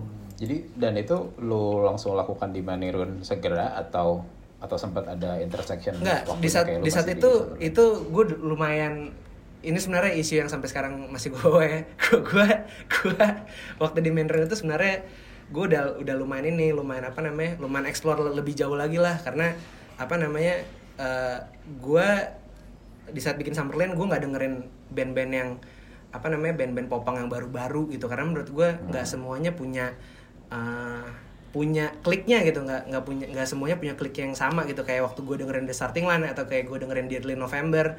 Akhirnya gue dengerin coba dengerin musik yang lain dan apa namanya kayak akhirnya gue ngulik The Beach Boys gue ngulik-ngulik musik-musik yang lebih tua lagi. Di situ gue gue merasa tertantang nih gue bisa nggak ya kira-kira bikin musik yang kayak The Carpenters kayak The Beach Boys kayak Hall and Oates. Akhirnya gue bikin tuh. Gue itu dulu belum mainin gue masih masih nyimpan lagu gitu akhirnya ya udah beres gue dari Summerland dari Summerland itu gue cabut gue masih ngasih jeda karena gue tahu apa namanya di saat itu Summerland udah lumayan naik eh, dan fansnya lumayan militan gitu. Dan mereka loyal banget. Gue sebelum gue cabut gue mungkin udah mungkin kayak ngasih kode kode singkat lah. Gue nggak pernah ngepost apa-apa lagi tentang Summerland mungkin satu tahun terakhir sebelum gue cabut. Karena gue nggak mau image gue eh, image Summerland gue kebawa nanti di musik baru gue dengan apa pun yang gue buat gitu Oke. jadi nggak langsung nggak langsung gue tiba-tiba langsung keluarin gitu Berarti lu udah lama sebetulnya ya. Yes, karena- keluar. Iya udah lama. Gue udah gue udah ngomong keluar tuh udah udah ber- udah berapa kali karena gue capek gitu. Capek capek secara batin kayak apa ya? Kayak eh kayak lu di suatu hubungan yang toksik gimana sih gitu. Eh, iya, iya, itu lu melelahkan banget kan sedangkan kehidupan lu nggak cuman nggak cuman pacaran gitu, nggak cuman lu nggak cuman ngeband tapi lu punya responsibility yang harus lakuin, lu harus bayar bills, lu harus apa namanya eh bahagian orang tua lu gitu misalkan. Itu sih itu sih yang akhirnya gue anjir nih daripada gue capek ngeband makan hati gue takut juga slowing down temen-temen gue karena karena apa namanya satu dan lain hal ya udah. Akhirnya gue mutusin gue cabut dan tadinya Tapi lu lihat, Kenapa? lu melihat si Summerland saat ini lu happy banget pasti. happy banget lah justru gue happy banget. Karena gue sampai sekarang masih masih kontak-kontak kan masih sering ngobrol sama anak-anaknya. Dan bahkan gue sama Jo aja gue masih masih bikin Distant Neighbors waktu itu.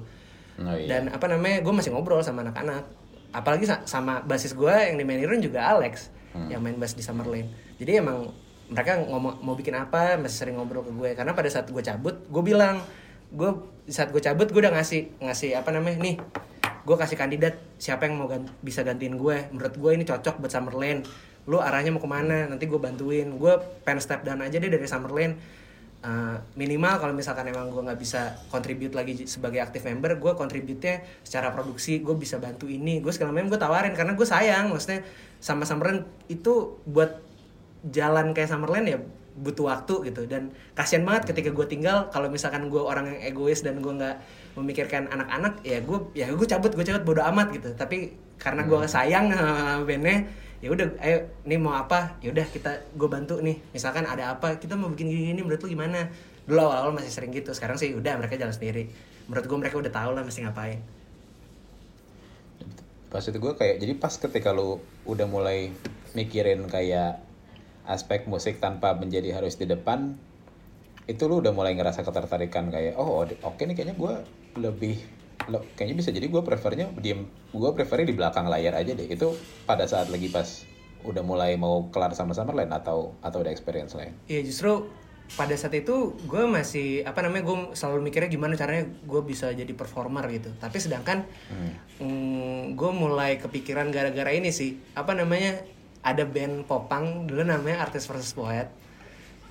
Eh, si basis sama gitarisnya Joe sama Jason punya tem- apa namanya songwriting kayak apa namanya kayak kayak DVD lah. Kayak kayak apa namanya kayak kumpulan produser gitu lah. Namanya Whiskey Waters. Terus mereka desain buat Warner Chapel waktu itu. Oke. nah dia bikinin lagu buat Demi Lovato buat eh, Nick Jonas. Terus dan sekarang yang paling terakhir risannya dia bikin lagu eh, It Gave-nya apa namanya Dua Lipa itu dia yang nulis Dua Lipa. maksudnya dia dari Oke. bocah dari dari Dallas Texas popang yang kuncinya cuma 5 dia bisa bikinin lagu buat Dua Lipa dia dapat kesempatan walaupun ya dia bikin lagu buat Dua Lipanya nggak sendirian ada banyak sih cuma tetap aja itu menurut gue anjir itu sih di saat itu gue mulai ngerasa kayak oh ini band-band lain mulai nge-produce kayak gue kalau misalkan gue telaah ternyata kayak apa namanya Justin Pierre sama si Anthony-nya mesin soundtrack dulu pernah uh, produce Sing It Loud kayak Mark Hoppus produce siapa. Nah di saat itu gue mulai merasa kayak oh ini kayaknya uh, seru juga ya kalau nge-produce gitu. Akhirnya di saat itu karena gue gue juga ketemu Deva secara nggak nggak sengaja tiba-tiba dia nawar nanya gue lo berani nggak nih kalau misalkan nge-produce tapi sama gue ya gue bilang gue mau mau aja. Ya udah kita coba deh. Akhirnya dari situ sih. Gitu. Tapi waktu apa namanya waktu masih itu kayak mungkin em, setahun lah setahun setahun setahun hampir dua tahun setelah gue keluar dari Summerlin.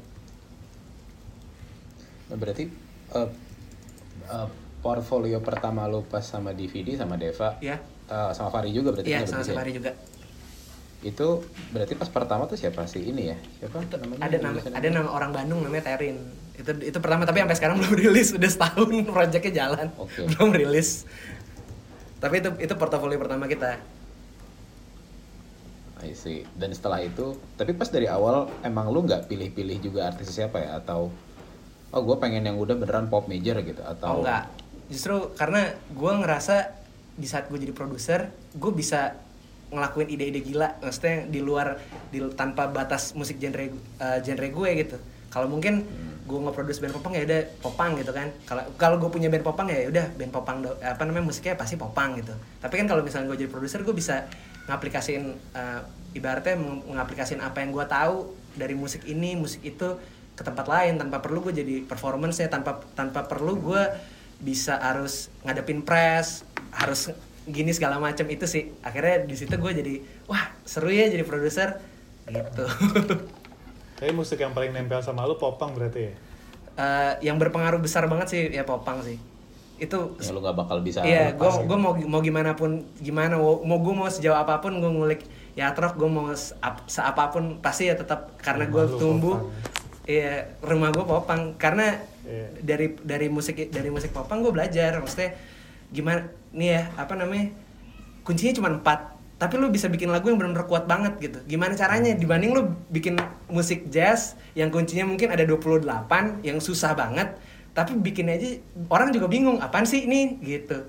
Gue gue belajar sih maksudnya apa namanya dynamic gimana gue belajar apa namanya belajar songwriting nih powernya di mana itu semua gue belajar dari musik popang gitu kalau nggak ada popang juga gue nggak akan bisa juga sampai sekarang gitu berarti apa pas itu kan pas awal-awal ngerjain Terin gitu terus pas pertama Deva ngasih tahu lu bakal ngerjain perunggu gue agak penasaran sih maksudnya lu lu udah pernah dengerin kita atau enggak sebelumnya terus kayak pas pertama lu diajakin ekspresi lu seperti apa gue agak kepo karena Deva belum pernah cerita itu ya. gue justru pertama habis yang teren itu jalan kita udah udah lagi proses tiba-tiba Deva bilang eh gue mau produce perunggu nih gitu. Lu bantu ya gue bilang. Gue bantu sebagai apa ya lu nge-produce juga.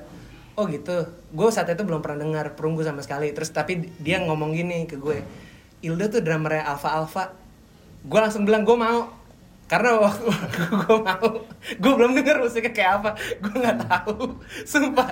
Karena waktu gue gue pernah nonton Ildo. Gue belum kenal Ildo. Saat itu gue pernah nonton Ildo di ini di Esplanade waktu itu. Waktu itu Ildo main sama Alfa Alfa di apa namanya? Acara Esplanade tuh Baybits Baybits Baybits Rock and 2000 Regions. Eh, Rock Iya. Region kali. Rock and Rock and Region deh kalau nggak salah ya? Baybits gue Baybits deh itu. Baybits ya? Itu Iya, Baybits dok itu kayak- kan lu sama High Time Rebellion habis Iya, itu band iya. Taiwannya apa sama band Filipin tuh apa namanya Save Me Hollywood apa apa gitu. Pokoknya ceweknya cantik deh. Womrod sama Basco Malaysianya.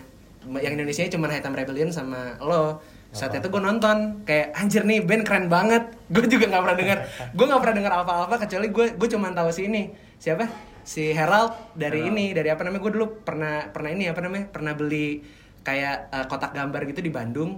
Nah, dia bikin topi binatang tau gak sih yang Herald suka Iya, pakai iya. dulu. Oh, iya. Nah, dia endorse Herald, tapi gue nggak tahu Alpha Alpha musiknya kayak gimana. Gitu. tapi waktu gue nonton, anjir nih band keren banget. Ya kan? gue di situ sih. Lu kan main di apa namanya yang di dome yang di stage yang orang bisa duduk kan. Iya, iya. Habis itu Basko yang main kalau nggak salah. Atau ya lu beda hari lah sama Item Rebellion itu. Di situ gue langsung, "Ya udah gue mau deh." Gitu terus baru tahu ternyata dulu Ildo run juga gitu. gue baru tahu.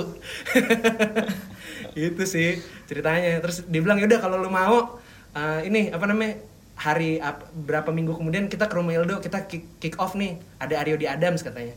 Ya gue gue gue bingung kan. Akhirnya gue dengerin gue pas gue denger anjir keren. Gitu. Gue langsung oh ya ini gue nggak salah pilih sih. Karena gue jujur gue waktu itu belum dengerin. Gue nggak tahu materinya. Dia Deva nggak ngas dia nggak ngasih tau gue demo satupun dia nggak ngasih denger gue. Dia nggak ngasih tahu nih denger lagu yang ini ya gitu. Gue produce IP-nya dia cuma ngomong gitu doang. Akhirnya gue dengerin. Dengerin pendat rencana usang gitu. Pahit ketirkan ketelan gitu. Menyala akhirnya gue dengerin. Ketelan Gak apa-apa diubah. Itu sih untung untung Ildo ngebandnya gini ya coba kalau misalkan Ildo jadi free jazz gitu lu bakal lu, lu ntar ya sudah anjing gini kita lagi perunggu tuh banyak ketolong gara-gara Ildo dong gak sih? Kagak Iya. lah. Iyalah, nama lu tuh udah wangi Iya. di skena, anjing, skena. Enggak sih, tapi emang gue bisa bilang karena banyak kebetulan di dalam hidup gue sih yang gue bisa bisa, bisa appreciate apa namanya semesta bekerja dengan cara yang misterius gitu. Gue mungkin kalau nggak nonton Ildo pada saat itu gue nggak nggak nggak mungkin gue dengerin Iya, iya, dulu gitu belum tentu gue pengen ah ini kayak wah begini gitu. Mungkin bisa jadi kan gue nggak tahu gitu. Tapi gara-gara pasti bilang drummernya dulu alfa alfa nih. Terus gue gue langsung tanya dia dulu main di Babyts nggak? Mana gue tahu. Terus akhirnya gue cari videonya di YouTube. Ternyata iya.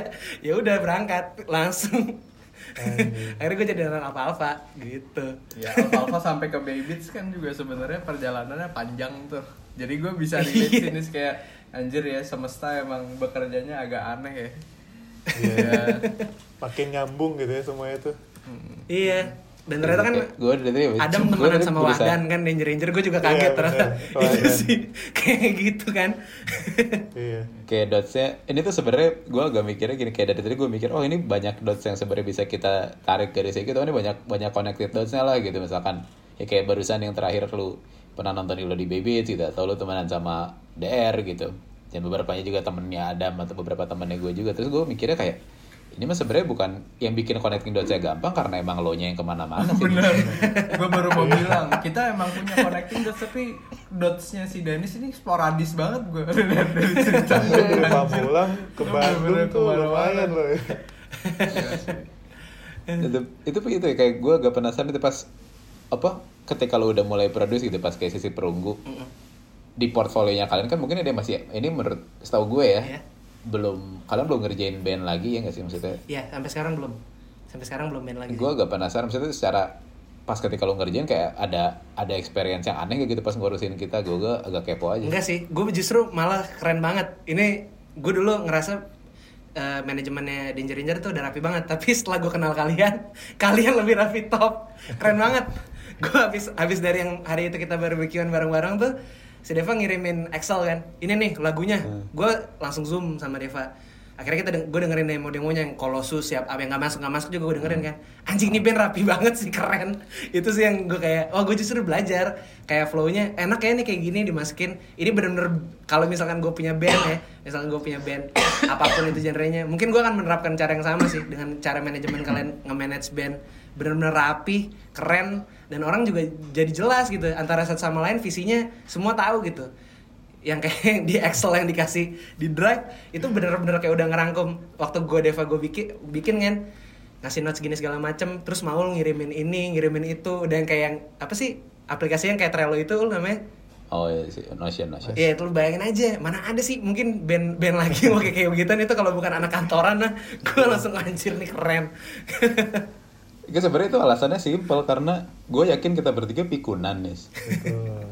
Maksudnya kerjaan lu udah puyeng nih, terus kayak ngeband aja nih pasti kalau diinget-inget lupa ya udah dicatat catat yang gampang gimana ya udah aplikasikan apa yang biasa dilakukan di kantor gitu itu ngehe sih sebenarnya Tapi kayak ini itu keren banget sih. Itu itu akhirnya gue belajar gampang. belajar banyak. Akhirnya itu kan rapi dan juga pengarsipannya. Jadi lu bisa tahu, lu bisa track progresnya kan dari demo sejauh apa sih berubah sampai final produknya. Justru itu sih kadang-kadang kan lu bisa apa namanya nge-treasure itu di masa depan gitu. Kayak mungkin pertama kali bikin eh, apa namanya bikin tarung bebas gak kayak gitu gitu. Tiba-tiba jadi kayak produk final produknya kayak sekarang gitu kan.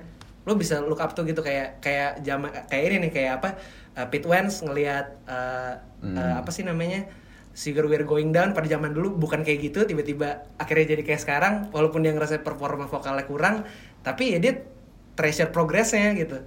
Itu sih Tapi so far pas pas ngurusin kita experience apa yang yang menurut lu kayak wah ini gue inget nih selain urusan lu apa ngutuin tetek bengek apa gimana cara kita memanage si projectnya gitu. Kayak penasaran aja karena kan apa ya gue satu hal yang ini kalau dari gue pribadi ya satu hal yang gue kerasa bahwa lu tuh memberikan pengaruh besar adalah ya urusan. Karena satu lu punya wawasan yang sebegitu luasnya gitu. Jadinya apa buat gua pun apa jadi sangat gampang untuk dengerin karena apa ya lu tahu lebih banyak daripada gue jadi buat gue kayak "Ya udah ini mah pasti apa yang disarankan Denis harusnya akurat gitu. Terus sama yang kedua ya urusan ini sih gue kadang suka kaget sama cara lu apa ya nge-guide vokal sih yang paling obvious kan kayak misalkan nyanyi terus lu tiba-tiba kayak cuman bilang nambah detail beloknya di sini doang terus gue kayak gue sebagai yang bikin ada vokal kayak suka ah ini kenapa diubah sih? Sebel gitu biasa kan. Tapi pas ketika udah jadi eh, iya ya kalau misalkan gak diginiin butut gitu. Nah gue gue agak penasaran sih maksudnya ketika lu ngurusin kita gitu ya untuk both instruments atau vokal atau songwriting kayak apa sih sebenarnya yang lu expect dari si perunggu pas ketika nanti jadi album gitu? Ya gue expect dan ya, so far dari dua single itu apa apa lu merasakan itu nyampe atau enggak dengan apa yang lu pengen? ya menurut gue merasa sih terdeliver apa yang gue pengen sih. Karena pertama kali dari yang gue tanya sama Deva pasti bandnya serius apa main-main? Tujuannya ke mana? Itu itu gue harus tahu. Karena karena gue itu gue pelajarin kan maksudnya di label. Apa yang yang gue gue terapin juga maksudnya dari secara gue ngerjain perunggu itu gue terapin banget. Jadi kalau misalkan emang main-main ya udah kita biarin aja mereka bebas-bebas gitu. Maksudnya nggak usah kita terlalu kekang. Kita karena gue di saat itu juga gue apa namanya di saat gue ngulik musik jam eh, akhir-akhir ya maksudnya gue belajar kayak misalkan Zack Odom secara produser nih kayak gimana. Kayak misalkan eh, apa namanya eh, John Feldman ini kayak gimana cara kerjanya. Itu tuh gue tak cari tahu gitu. Akhirnya ya gue lihat oh ini perunggu bandnya emang pengen ngasih legacy kan. Sebenarnya lebih yang gue tangkap dari Deva dia pengen ngasih legacy dari albumnya gitu. Ya udah kita bawa kita harus rapihin gitu. Karena yang gue notice kalau misalkan dari pertama kali gue denger demonya eh, banyak ini sih apa namanya ketika misalkan Maul atau misalkan dapat riff yang keren banget itu sering diulang gitu. Maksudnya itu terlalu diulang-ulang gitu. Nah itu kadang-kadang eh, hal kayak gitu bikin nggak ini bikin nggak apa namanya bikin nggak ngehook justru. Karena orang jadi nggak bikin memori nggak nggak memorable kan. Dari situ akhirnya gue terapin. Makanya kayak gue bilang ini be- belok vokal sini. Jadi orang at least ingat gitu. Itu itu gue belajar waktu gue ini sih apa namanya bantuin Danger Danger bikin album Iya, iya, iya. Ah, gue harus mengucapkan terima kasih kepada ini. Iya, Terima kasih. Wadan. Menarik sih gue. Eh, eh, ada pertanyaan nggak dok? Dom? Takutnya gue kebanyakan nanya dari tadi. Apalagi ya? belum ada sih dari gua gua masih kayak amazing nganggur. sama- iya. Nggak, kita kan belum kita kan nggak waktu ketemu Dennis tuh langsung kayak mode-nya waktu itu langsung eh, rekaman gitu Kerja. kan. walaupun Iya.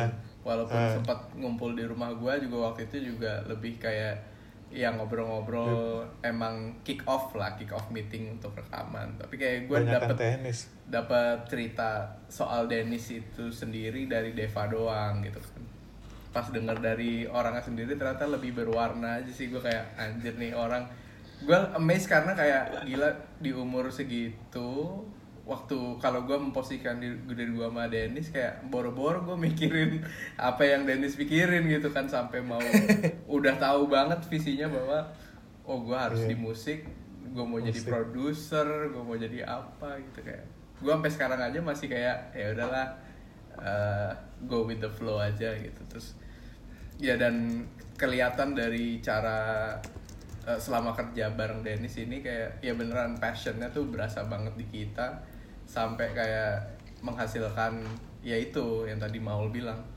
Feedback feedbacknya Dennis juga berbobot dan ada yang daging semua gitu loh. Itu yang menurut kita menurut kita ya yang sangat membantu juga perunggu sampai proses albumnya ini bisa sampai sekarang gitu ya makasih banget sih kalau dari sih. gue ya buat Dennis sih. Gue thank you man sama kalian. Maksudnya gue bener-bener kaget ya. Maksudnya di saat itu gue bener-bener muak maksudnya sama musik musik ini ya apa namanya gue ngerasa kayak musik Indonesia dengan genre yang kayak kalian ya udah begitu jamet gondrong metal. Maksudnya ini ya gue tanpa maksud menyinggung salah satu pihak apa pun ya. Maksudnya gue gue merasa kayak anjir begitu begitu aja gitu. Tapi waktu gue denger lagunya anjir ini mah keren banget gitu. Dan ya kan waktu gue apa namanya dengerin demo-demonya banyak yang bisa gue revisit. Kayak misalnya wah nih ini Jimmy Eat World ya kan. Ini apa ini apa itu itu sih yang gue senang gitu. Maksudnya akhirnya dari situ gitu. Iya sih. Itu gue gue juga sama ya dipikir-pikir kayaknya berusaha processing bisa nyampe sini juga. Gue itu sih kayak takjub amazed terus sambil mikirin apa antara anak gue digitu digini enggak jangan sama sekali. Maksudnya emang emang gue juga nggak ngerti sih. Ini gue gue nggak ngerasa gue memilih musik tapi gue merasanya musik yang memilih gue Eh, asik edan. Tanya begitu Salah. tapi tapi tapi dari yang lu ceritain iya sih bener. Maksud gue kayak lu mau lari ke mana pun kayak lu ditarik balik sama musik gitu iya. Tapi salah satu yang lumayan berpengaruh juga ini gue pernah gue gue suka banget sama band namanya Hello Goodbye. Jadi selain starting line gue juga suka Yeah. banget Hello Goodbye kan. Ah. dan kalau misalkan kalian perhatiin kan dua-duanya dua-duanya uh, frontman-nya Kenny, Ken- Kenny Fasoli sama si Forrest Klein berubah gitu. Maksudnya dari dari uh, Hello Goodbye yang kayak begitu musik elektronya segala macem jadi kayak sekarang ya Kenny Fasoli punya vacationer yang begitu juga gitu. Gue pernah uh, di satu kesempatan karena gue saking ngefansnya gue gue ngobrol sama Forrest Klein gitu. Gue nanya lo motivasi lo apa sih sebenarnya ngubah musik lo dari dari album 1, album 2, album 3 itu semuanya beda kan? Jawabannya gini gue nggak pernah ngerasa sih gue pengen jadi the best song songwriter in the world dia bilang gitu. Gue nggak pengen gitu. Yang gue pengen gue cuman ya mungkin gue berharap orang yang kayak lo di dunia ini nggak cuma satu. Itu gue bener-bener anjir itu dari idola gue dia ngomong kayak gitu ke gue anjir itu sih itu itu titik di mana gue ngerasa ya hidup dari musik nggak mesti jadi performer ya bisa dari banyak hal gitu. Maksudnya kita bisa bikin impact nggak cuman dari cuman sekedar lu mesti tampil di depan layar. Itu itu cukup mengubah gue dan perspektif gue terhadap musik yang selama itu gue kenal gitu sih. Suara Forrest Klein Itu sih. dia ngomong gitu ke gue anjir. Gue itu sih kayak kayak deng- dengerin lu ngomong barusan ya maksudnya gue bisa lu tuh ber- lu menceritakan kisah hidup dengan antusias tuh gue masih melihat kayak relevansi dengan umur misalkan kayak oh masih masih lu sangat begitu antusias dan ada bocah age-nya gitu dengan cara lu menceritakan. Tapi kadang tiba-tiba keluar kalimat yang super duper kayak anjir ini mah mature banget. Maksud gue gue kayak agak suka kaget dengan lu tiba-tiba pointing out sebuah ide atau values yang lu jalan lu pegang terus kayak anjing ini beger banget nih anak. Gue mikirnya gitu terus gue kayak ya itu ya kayak amazing pas lu dari tadi mungkin cerita ya nyetrit aja sih gue mikir anjir ini ini memang bukan bukan sekolah sih gitu. Cuman lu lu emang gue bisa bilang ya emang lu street smart aja gitu.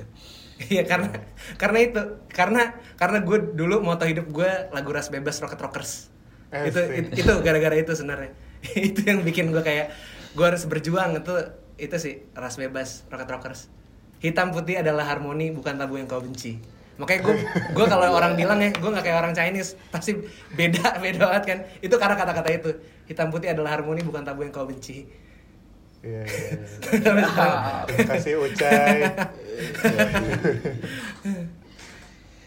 Sebelum ditutup ada ini nggak pertanyaan terakhir?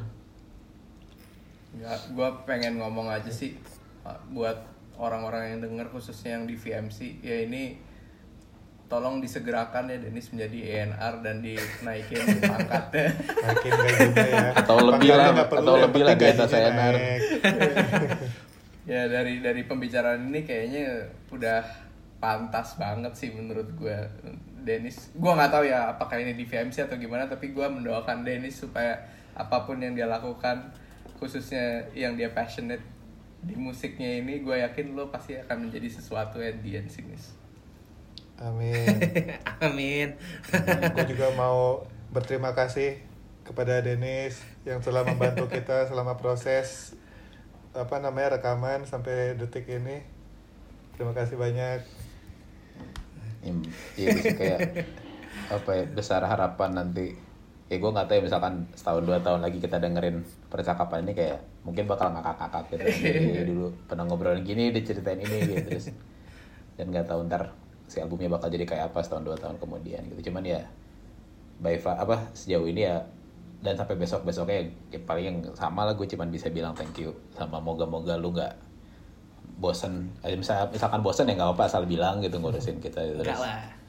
Justru ada apa pun dia bilang aja. kalian tuh ibaratnya kayak ini kayak apa namanya kayak api kecil ya. Sekarang kan masih kecil nih api kecil. Yang bikin bikin gue jadi semangat gitu semangat buat kayak gue percaya kayak di di antara apa namanya terpaan orang semua bersoloria gitu. Karena lebih gampang kalian tuh menurut gue salah tiga orang lah yang bisa matain stigma itu. Kalau ternyata emang ya emang kalian super duper keren lah. Dari secara songwriting manajemen dari apa namanya dari cara kalian lah apa namanya menerapkan apa pun value itu di dalam band ini. Gue kayak salut itu justru yang bikin gue jadi cambuk semangat sendiri gitu kayak anjir nih anak-anak semangat masa gue nggak semangat? Gitu sih. Oke. Yuk mari kita bereskan albumnya. Ya Iya.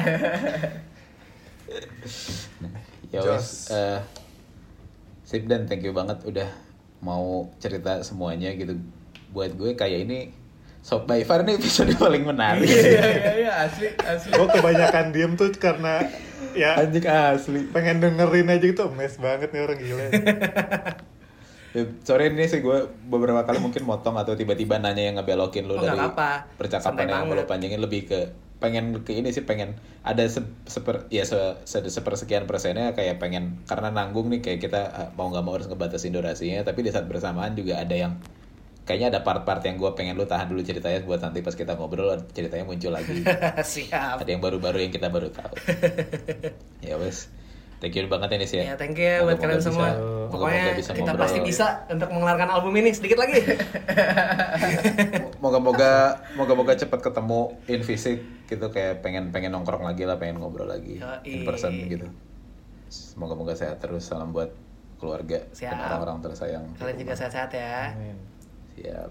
Buat yang udah dengerin thank you banget. Ini anjir kalau kalau kalau lu nggak dengerin sampai kelar aneh sih menurut gue karena dari awal sampai beres kayak ibaratnya kalau dinamiknya itu kayak setut gitu sampai di atas terus gak turun-turun gitu sampai kelar gitu. Dan apa ya, ya gue inilah sangat menikmati percakapan ini. Moga-moga yang kalian kalian yang dengerin juga bisa menikmatinya. Thank you banget buat udah dengerin. Eh, terus apa lagi biasanya ngomong kalau ngantuk ya gue lupa Oh. Udah, weh. Nah, ya udah ya. udah semoga semuanya sehat-sehat terus ya ya Dah. sampai berjumpa di episode berikutnya Assalamualaikum